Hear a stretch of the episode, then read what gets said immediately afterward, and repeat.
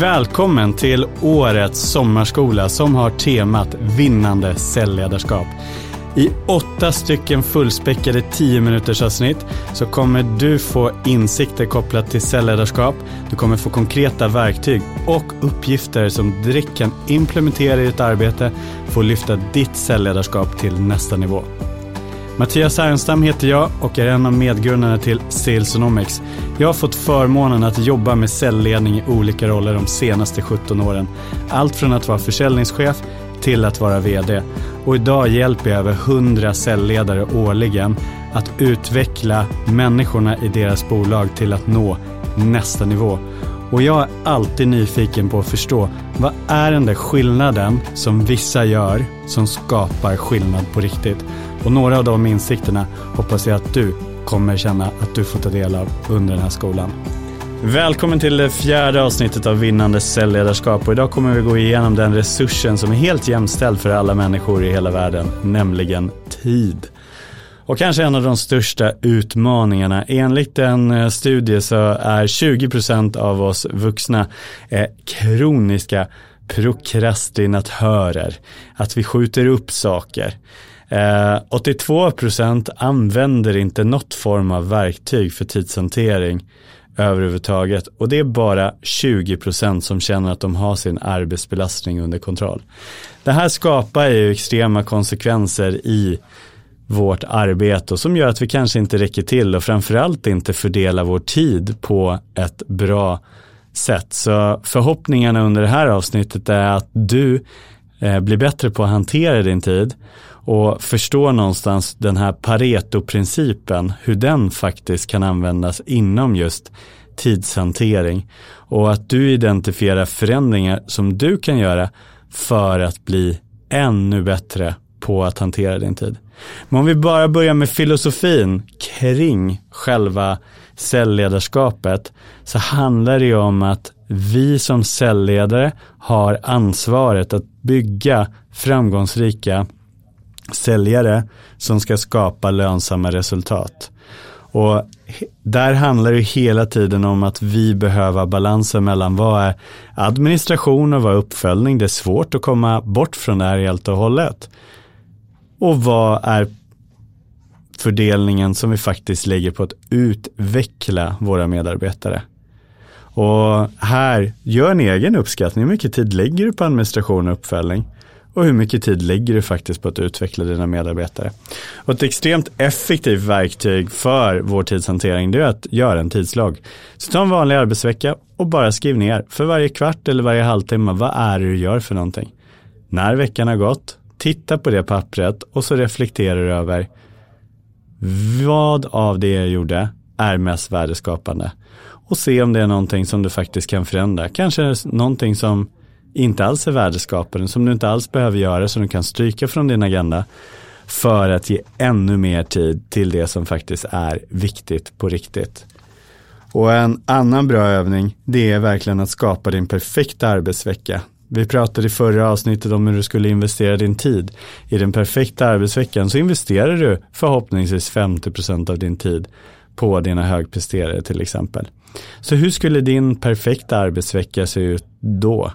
Och den här arbetsveckan är någonting som du hela tiden kan korrigera också under den här utbildningen i vinnande säljledarskap. Så att du säkerställer att du verkligen ger plats åt de absolut viktigaste aktiviteterna. Så skapa en tidslag utifrån hur ser det ut idag och våga skapa en drömvecka utifrån hur skulle du vilja att en perfekt arbetsvecka ser ut och titta på vad är det för förändringar som du behöver göra för att göra den förflyttningen. När vi pratar om tid så brukar det visa sig att den klassiska Pareto-principen oftast fungerar väldigt bra även kopplat till tidshantering. Alltså det som brukar benämnas som 80-20-regeln. Nämligen att 80% av besluten oftast kommer från 20% av mötestiden. 80% av dina resultat kommer från 20% av dina aktiviteter. 80% av alla störningar kommer från samma 20% av människor. 20% av människorna skapar 80% av problemen. 20% av de här flera står för 80% av era intäkter. Och 20% av dina medarbetare vill vill ta 80% av din tid. Så börja reflektera utifrån de här frågeställningarna. Identifiera vad är det, vilka är de här 20 procenten som skapar 80 procent av dina problem. Det kan vara människor, system etc. Identifiera det. Vad är de här 20 procenten av problem? Eller 20 procenten av faktorer som faktiskt skapar 80 procent av dina problem. Den andra saken, identifiera vilka är de här 20 procenten av dina aktiviteter som faktiskt på riktigt genererar 80 procent av dina resultat. Så vilka är de här 20 procent av dina aktiviteter som faktiskt genererar 80 procent av dina resultat? Skriv ner det här för dig själv och reflektera hur kan du se till att faktiskt investera tid i det som skapar och bidrar absolut mest till resultaten. För att lyckas med det här så finns det ett antal verktyg också för tidshantering. Det ena har jag redan nämnt som handlar om tidslagen. Sen handlar det självklart om att blocka tid. Har du vissa saker som administration eller uppföljning, eh, försök sätta av ett block med tid där du bara gör det så du kan komma in och vara väldigt fokuserad på den uppgiften och göra den väldigt effektivt. Det är också att vi oftast kan klumpa ihop flera uppgifter till en och säkerställa att vi blir klar med den. Sen har vi ju den klassiska prioriteringslistan, att våga använda den varje dag. Ett enkelt verktyg kan vara att när du slutar varje dag, att bara så skriva ner vad är de sex viktigaste sakerna som du ska göra på jobbet imorgon. Genom att göra det så blir det oftast lättare för dig att faktiskt parkera ditt arbete också.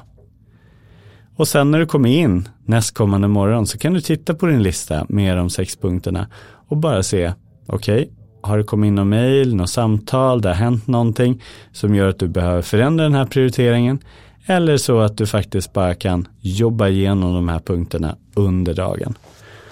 Och sen ska vi inte glömma som ledare att vi också har möjligheten att delegera för att vinna mer tid. Så när du gör uppgifter, våga fråga dig själv, finns det någon annan som skulle kunna göra det här? Och våga utmana dig i att börja delegera uppgifter. Och vi kommer längre fram prata om hur vi kan driva just framgångsrika och inspirerande säljmöten. Där är en situation där vi många gånger tar på oss hela agendan själv. Men vad skulle hända istället om du fördelade ut punkter till olika personer och de fick förbereda varsin punkt? Vad skulle kunna hända med den dynamiken också i era möten? Så när vi pratar om tidshantering är det väldigt ofta som vi faktiskt gör det som är bråttom, det som behöver göras just nu. Men det vi behöver tänka till på, det är det som faktiskt är viktigt att göra, men som kanske inte är bråttom och alltid se till att vi planerar tid för det.